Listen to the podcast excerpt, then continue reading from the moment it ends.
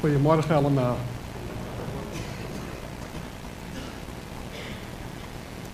Ik uh, wil vanmorgen met u nadenken over de vraag of u de stem van Jezus, de stem van God, wel eens hoort in uw leven. In uh, het Evangelie van Johannes, in uh, Johannes 10, daar stelt Jezus zich voor als de goede herder en dan zegt hij dat uh, zijn schapen zijn stem horen. En ze volgen hem omdat ze zijn stem horen. Dus als ik nog nooit de stem van Jezus in mijn persoonlijk leven hoor, dan kan ik Jezus niet volgen. Dat is onmogelijk. We kunnen veel dingen doen. We kunnen de Bijbel lezen. We kunnen Bijbelstudie hebben. We kunnen kringen hebben. Maar waar ik het vanmorgen over wil hebben, is over het feit, nogmaals, dat Jezus zegt dat zijn schapen zijn stem horen. En, en, en nog eens dat hij hen persoonlijk aanspreekt, individueel, hun eigen, in hun eigen leven. Hij roept zijn eigen schapen bij naam. En wat hij ze roept, volgen ze hem. Dus we kunnen heel veel over de Heer Jezus weten en ons uh, en christen zijn, bij die schapen horen. Dus daar gaat het vanmorgen niet over. Maar de vraag is, uh, versta ik zijn stem in mijn leven? Kan hij met mij praten? We leven in een wereld die is heel erg druk. De, de telefoon heeft ons leven zo'n beetje in beslag genomen. We lezen in de Bijbel over geloofsgetuigen. En deze mensen die zochten, terwijl ze lang niet zoveel drukte om zich heen hadden als wij, zochten ze de stilte op. Isaac, bijvoorbeeld, ja, die, die had maar een paar schapen. Wat maken die nou voor lawaai? En toch ging hij naar buiten. Hij ging om te bidden. Of om zijn gedachten op God te zetten. Om te zeggen, Heer, Heer, wilt u tot me spreken? Het is voor mij belangrijk dat ik uw stem hoor. Is dat voor jou belangrijk? Waar gaat het om? En ik heb altijd een geschiedenis in de Bijbel gevonden die daar heel bijzonder over gaat die ons eigenlijk laat zien dat toen de Heer Jezus hier op aarde was, hij persoonlijk met mensen sprak, eh, eh, voor iedereen aandacht had, ze allemaal bij hem konden komen. Hij ze altijd antwoord gaf, hij altijd zo heerlijk, zo geweldig. En dan uh, gaat hij sterven. En dan is hij er niet meer. En dan moeten zij leren om de stem van Jezus te verstaan als ze hem niet zien. Dus ze horen hem wel, maar ze zien hem niet. Nou, dat zijn wij ook. Wij horen daarbij.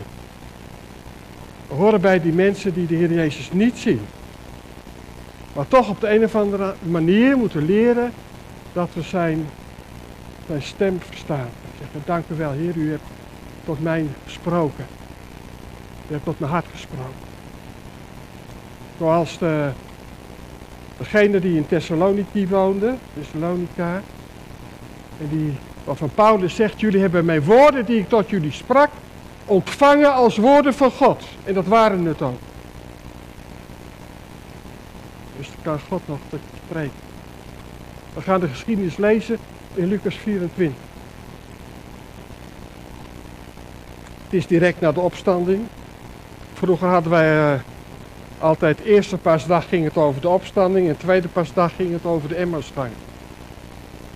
Dus beschouwd een beetje als een tweede paasdag. Lucas 24 vers 1. En op de eerste dag van de week gingen zij heel vroeg in de morgen naar het graf. Nee, ik zeg het verkeerd, vers 13. Eh, en zie, twee van hen gingen op diezelfde dag naar een dorp dat 60 stadien van Jeruzalem verwijderd was en waarvan de naam Emmaus was. Ze spraken met elkaar over al deze dingen die gebeurd waren. Het gebeurde terwijl zij met elkaar spraken en van gedachten wisselden dat Jezus zelf bij hen kwam en met hen meeliep. Maar hun ogen werden gesloten gehouden, zodat zij hem niet herkenden. En hij zei tegen hen, wat zijn dit voor gesprekken die u al lopend met elkaar voert? En waarom ziet u er zo bedroefd uit? E- even over dit stukje nadenken, dan deel ik het gelijk met jullie in stukjes op. Uh, de eerste wil ik erop wijzen dat in dat eerste vers 13, daar staat dat Jezus zegt en zie. Dus de, Lucas zegt kijk, daar moet je dus, als de Bijbel zegt zie, nou dat, is, dat woord begrijpen we allemaal. Zie betekent dat je moet kijken, opletten. Dan moet je eens naar kijken, naar wat er gebeurde met deze, met deze twee mannen. En het waren twee van hen. Dat we dat wil zeggen, in eh, vers 9 vinden we dat. En toen ze teruggekeerd waren van het graf, berichten ze dit alles aan de elf discipelen en alle anderen. vers 11, en hun woorden leken kletspraat en ze geloofden niet. Die vrouwen waren bij hen gekomen en zij waren die het gehoord hadden. Ze hadden gehoord van de vrouwen dat Jezus was opgestaan. Maar ze geloofden die vrouwen niet. En het leek hun kletspraat toe. Het waren wel mensen die bij Jezus hoorden, deze twee mannen. Maar ze geloofden die vrouwen niet, twee van hen. En ze gingen op diezelfde dag naar een dorp dat 60 stadion, ongeveer 10 kilometer van Jeruzalem verwijderd was. En dan zien we dus iets gebeuren bij deze twee mannen. Probeer jezelf eens voor te stellen alsof jij een van hen bent.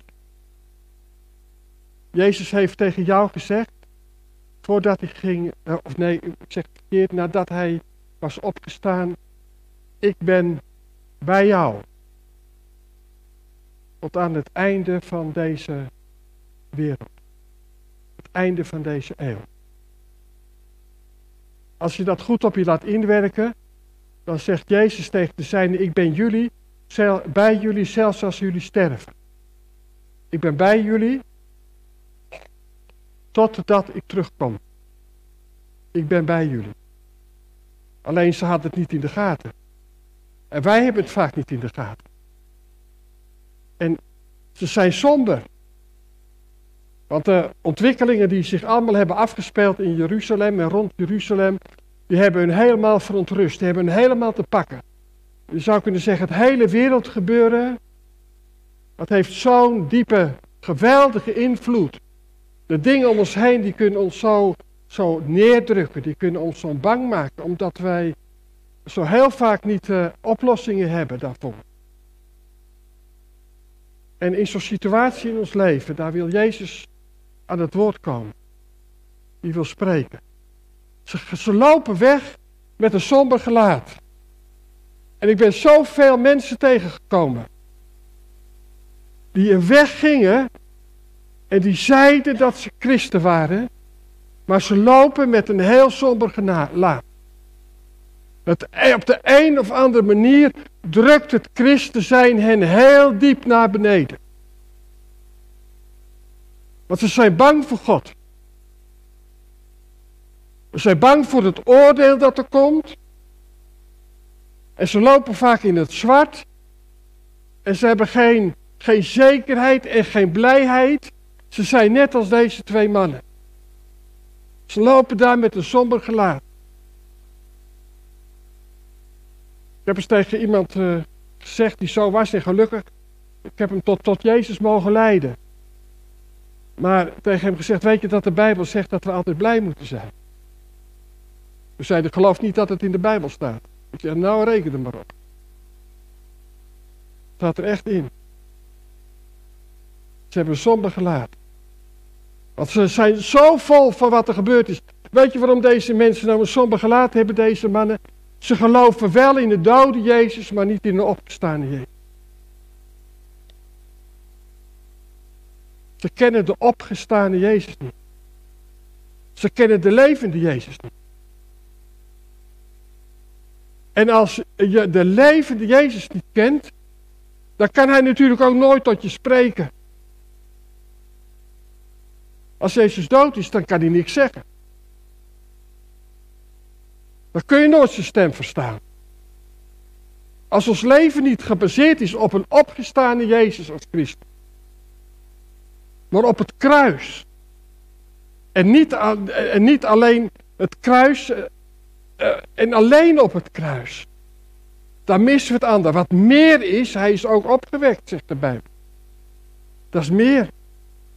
Want dat leert je dat je leeft met een levende Heer die bij je is. Dat je met hem kunt wandelen, dat je met hem kunt spreken, dat hij tot jou kan spreken. Dat je, waar je ook bent, al doe je boodschap. Dat je gewoon met Jezus kunt praten. Dat je, dat je kinderen kunt leren. We hadden daar even in de raadzaal over. Dat als kinderen huilend thuiskomen, of als ze gepest worden op school, dat je kunt zeggen, ja, we gaan naar de Heer Jezus toe. Gelooft u? Gelooft u echt in een levende Heer? Die met je meegaat? De, ze waren op weg naar Emmaus. En Emmaus uh, betekent zoiets als ernstig verlangen. Ze waren heel erg ernstig. Ze hadden ernstig verlangen. Ik, vind het zo jammer dat dit zo weinig wordt gehoord. Er zijn zoveel gemeenschappen waar, waar, waar, we vaak zo oud-testamentisch bezig zijn. Ik vind de psalmen heel erg mooi. Maar ik zing ze graag. Maar als ik heel eerlijk ben, kom ik de naam van Jezus in de psalmen niet tegen.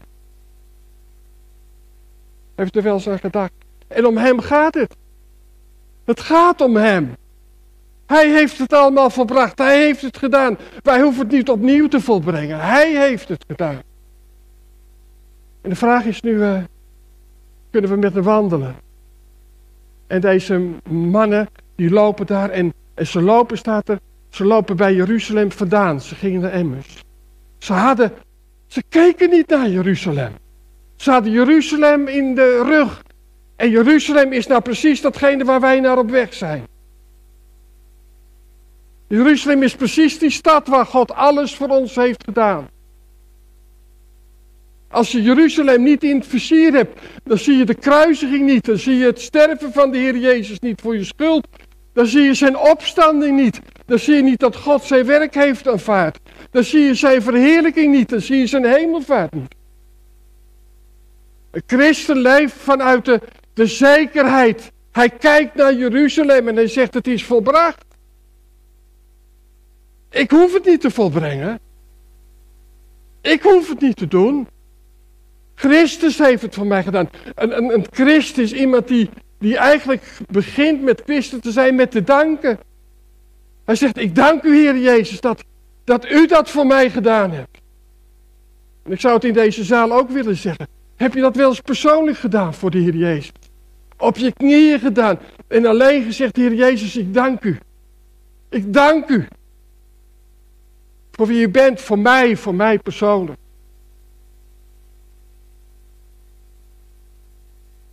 Daar komen we vaak niet eens aan toe. Maar God wil dat we zo, dat we een opstandingsleven gaan leiden. Een leven vanuit de opstanding. De Bijbel spreekt erover dat God, in Efeze 1, het laatste vers, dat God, zoals Hij Jezus Christus uit de doden heeft opgewekt, zo ook wij in nieuwheid van leven zouden wandelen. Dat betekent dat ons eigen leven door God in het graf is gelegd. En het is dood voor hem en we mogen vanuit dat geloof in dat nieuwe leven wandelen. Dus we gaan verder lezen. We gaan bij deze mannen kijken die, uh, die eigenlijk maar zo, zo weinig hoop ook hebben. Dan staat hier hun ogen werden gesloten en ze herkenden de Heer Jezus niet. Als ik dit stukje vanmorgen profetisch zou uitleggen, dan zou ik tegen u zeggen, deze twee mannen zijn de vertegenwoordigers van Israël. Hun ogen zijn gesloten, ze zijn er blind voor. Dat is jammer. Maar er zijn in Nederland ook heel veel mensen blind voor. Maar goed, ze wandelen en dan gebeurt het dat de Heer Jezus bij hen komt lopen. Geloof je dat, dat de Heer Jezus bij je is op dit moment? Dat hij naast je zit, dat hij in je woont, dat hij met je meegaat, dat hij met je wil spreken in alle omstandigheden. Het was Jezus zelf die met hem meeliep, maar de ogen waren gesloten. En dan zegt Jezus, wat zijn dit voor gesprekken die jullie met elkaar voeren? En waarom zien jullie er zo bedroefd uit?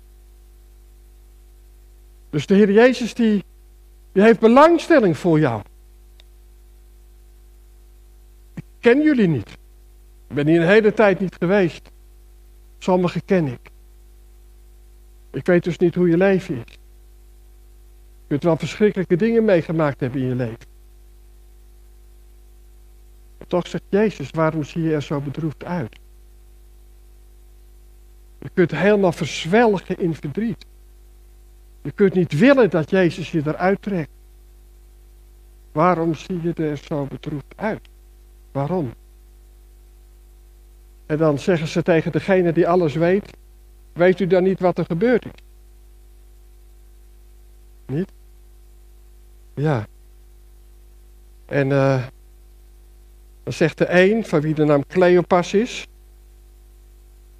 bent u als enige vreemdeling in Jeruzalem, dat u niet weet welke dingen daar in deze dagen gebeurd zijn. Dat is hier het mooie.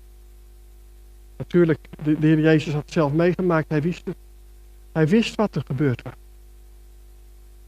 Maar hij wil datgene wat er gebeurd is, datgene wat er ook gebeurt in ons leven. Hij wil dat we leren om de stem van God zo te verstaan dat we dat gaan zien in het eeuwig perspectief. In het perspectief van God. We kunnen zo blijven stilzitten bij het hier en nu. En er zo over nadenken en zeggen, ja maar hier komen wij niet uit. En we vinden het vreselijk moeilijk om dingen te zien in een perspectief van God.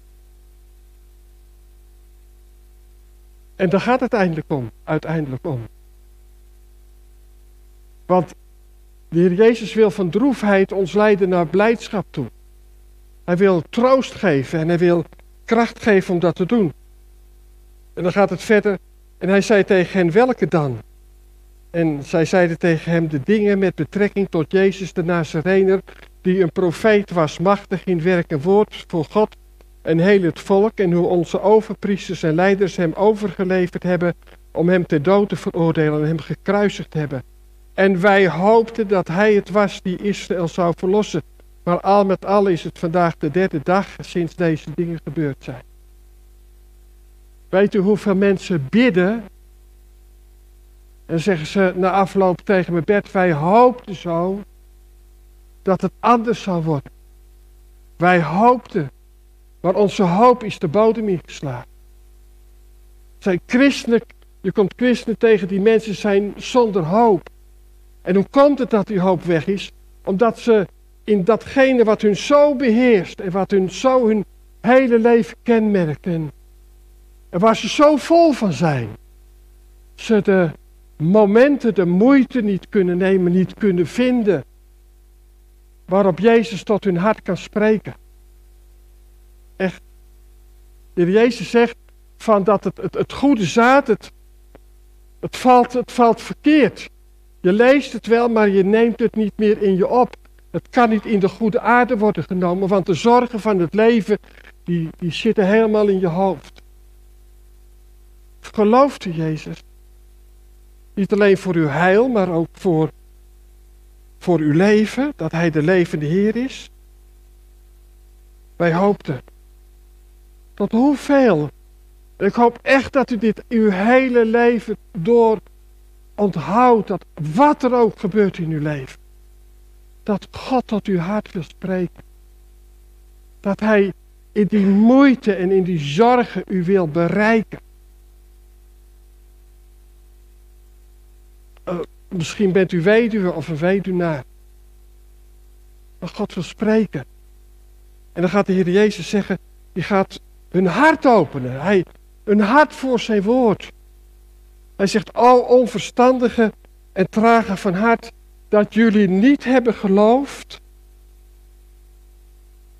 En dan vertelden ze ook nog van de, van de vrouwen die, die, die geweest waren in vers 22 tot de 23.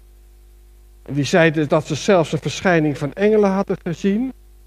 Maar hem zagen ze niet. Wij willen zo graag zien. En dan zegt vers 25, hij zei tegen hen, o onverstandige en trage van hart, dat u niet gelooft alles wat de profeten gesproken hebben. Dat u niet alles gelooft wat de profeten gesproken hebben. Wisten jullie dan niet? Wisten jullie dan niet? Dat de Christus moest lijden om zo zijn heerlijkheid in te gaan.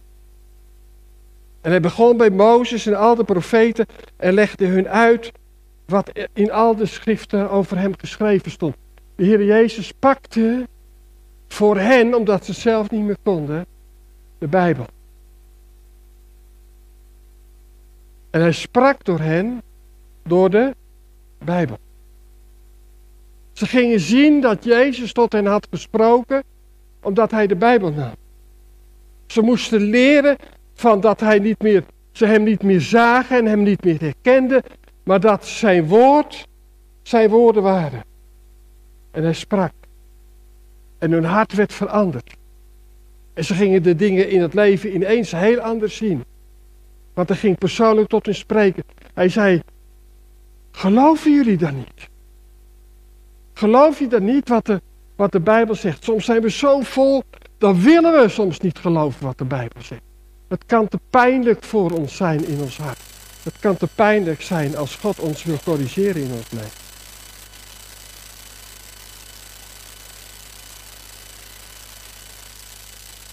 Dan willen we niet geloven. Dan willen we ons niet overgeven. Dan willen we ons leven niet toevertrouwen aan Jezus Christus. Dan willen we onze pijn niet toevertrouwen. Dan willen we niet dat Hij dingen tegen ons zegt die wij niet willen horen. Dan blijven we vastzitten op de een of andere manier. En dan blijven we bedrukt en dan zeggen we het gaat helemaal niet goed en er komt maar geen oplossing. En wat we moeten leren is dat we, dat we ons precies zoals we zijn ons hele leven zeggen. Heer Jezus, hier is het. Ik kan niet voor mezelf zorgen. Ik kan ook niet leven zoals ik zou willen. Ik ben mijn blijdschap kwijt.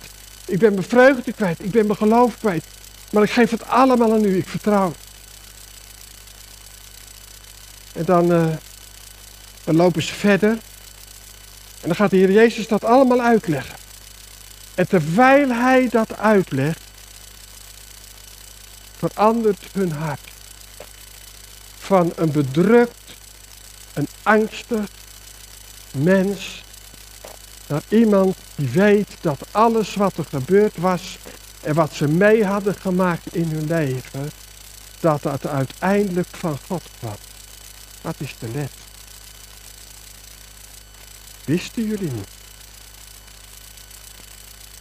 Weet je niet dat alle dingen zullen meewerken ten goede voor hen die God liefhebt? Heer, alle dingen voor hen die God liefhebben.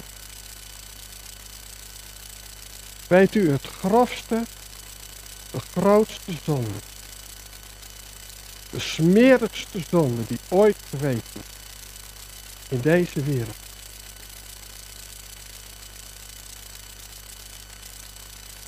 We hebben gezongen, u bent mooi. We hebben gezongen over de heiligheid en over de heerlijkheid van God.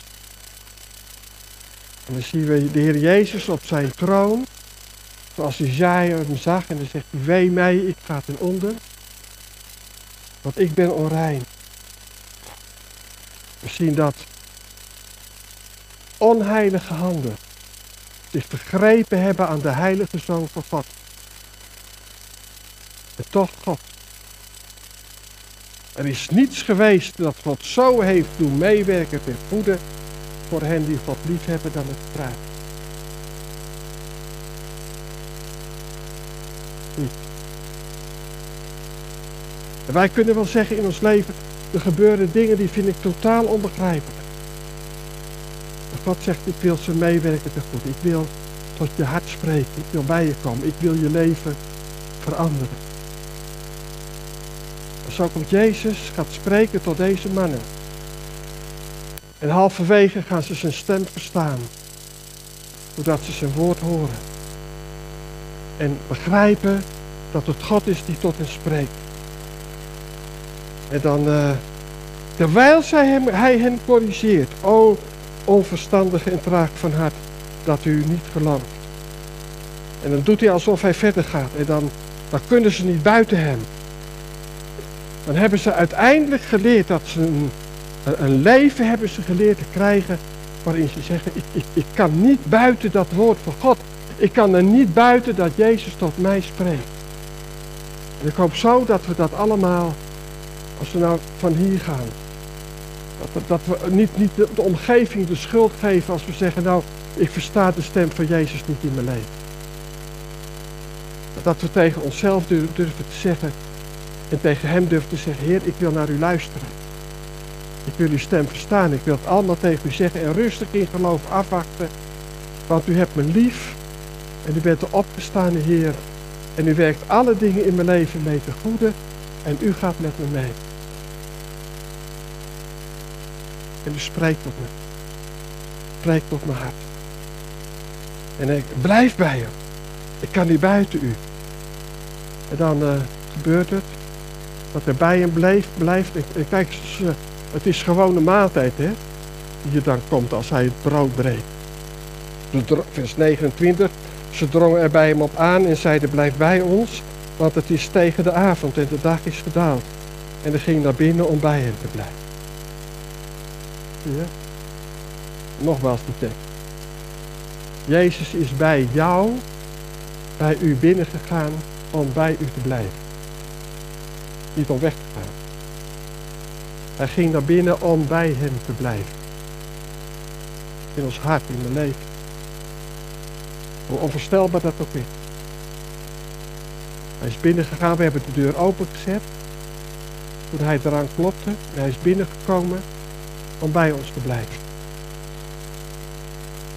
En dan in de gewone dingen van de dag. Van het oosten is het zo, dan de maaltijd. En de gast die, die breekt het brood en die deelt het uit. En dan zien ze hem.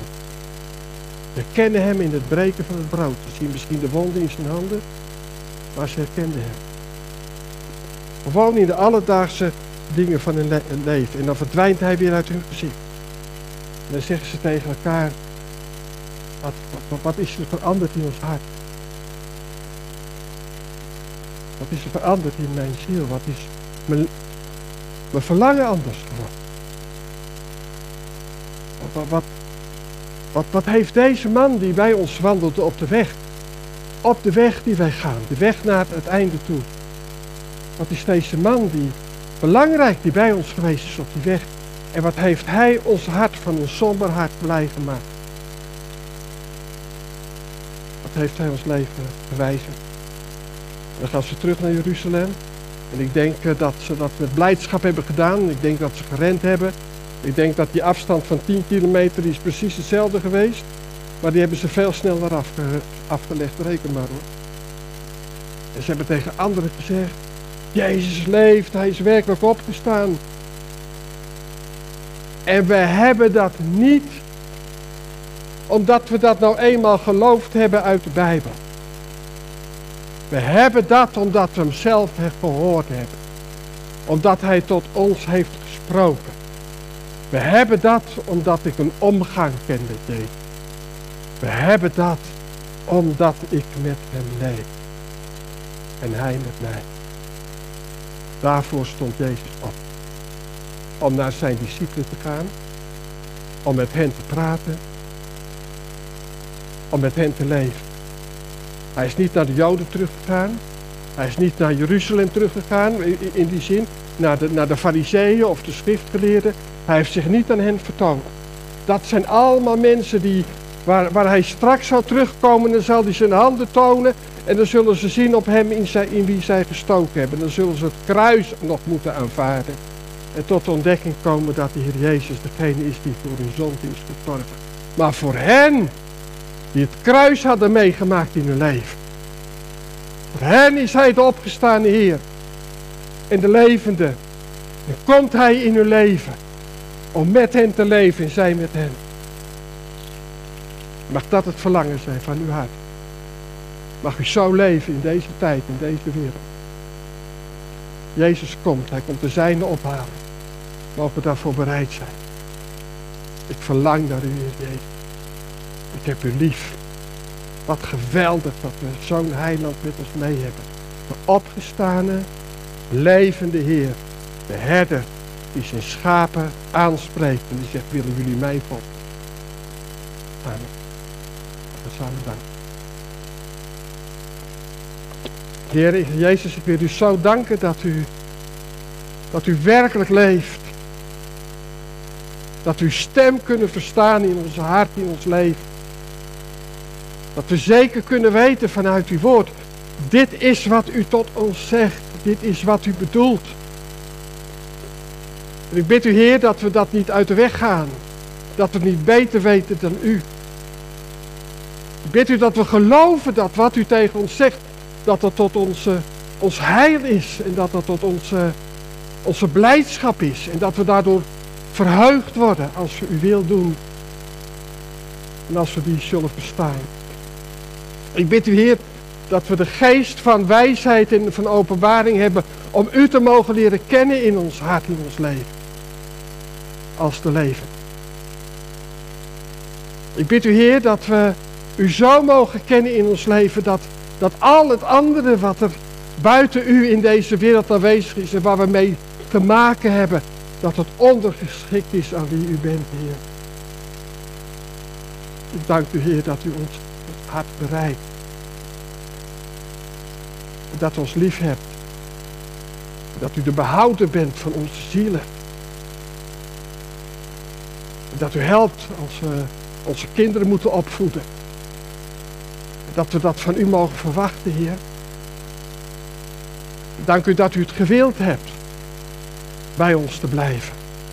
En bij ons binnen te komen. Dat u tot ons wilt spreken. Heer Jezus, er kunnen zoveel, zoveel dingen die, die nemen beslag van onze ziel en van ons hart. Maar ten diepste weten we hebben u nodig. We hebben het nodig dat u tot ons spreekt, Heer. En wilt u dat door deze dienst van morgen doen? U wilt ons helpen, Heer, dat we alles wat van onszelf is, onze somberheid soms, en onze gedachten, dat we die kunnen wegdoen. En dat we u vertrouwen. Dat u leidt ons naar de goede weide heen. Dank u, Heer Jezus, dat we uit mogen zien naar uw komst. En dat die spoedig zal zijn. Dat u komt de uwe halen. Wordt in deze wereld wordt het steeds moeilijker. Ik bid u, Heer, voor voor uw gemeente in, Bangladesh, in uh, Sri Lanka. Als zulke verschrikkelijke dingen zijn gebeurd. Geef dat ze, dat ze uw weg daarin gaan en uw weg leren zoeken. En dat ze toch liefde hebben voor degenen die hun vijanden zijn. En dat ze dat kunnen, Heer Jezus, doordat u in hen werkt en dat u in hen woont. Heer, help uw gemeente daar. En geef een kracht, mag een krachtige getuigenis van u ook uitgaan in dat deel van de wereld. En we bidden voor elkaar, Heer, als gemeente, dat we dicht bij u mogen blijven. In een wereld waarin zoveel dingen zijn die verlokkend en verleidend zijn, dat we vast willen houden, willen houden aan uw woord. Uw naam zij geprezen. Ik dank u dat we altijd bij u mogen komen dat u in de Bijbel leest dat er nog nooit iemand is geweest die tegen u gesproken heeft, die aan u gevraagd heeft, dat u gezegd hebt, ja, ik wil naar jou niet luisteren. Dat u er altijd bent. Dat u de Zoon van God bent die ons lief heeft en zichzelf van ons heeft overgegeven. Uw naam zij geprezen. Amen.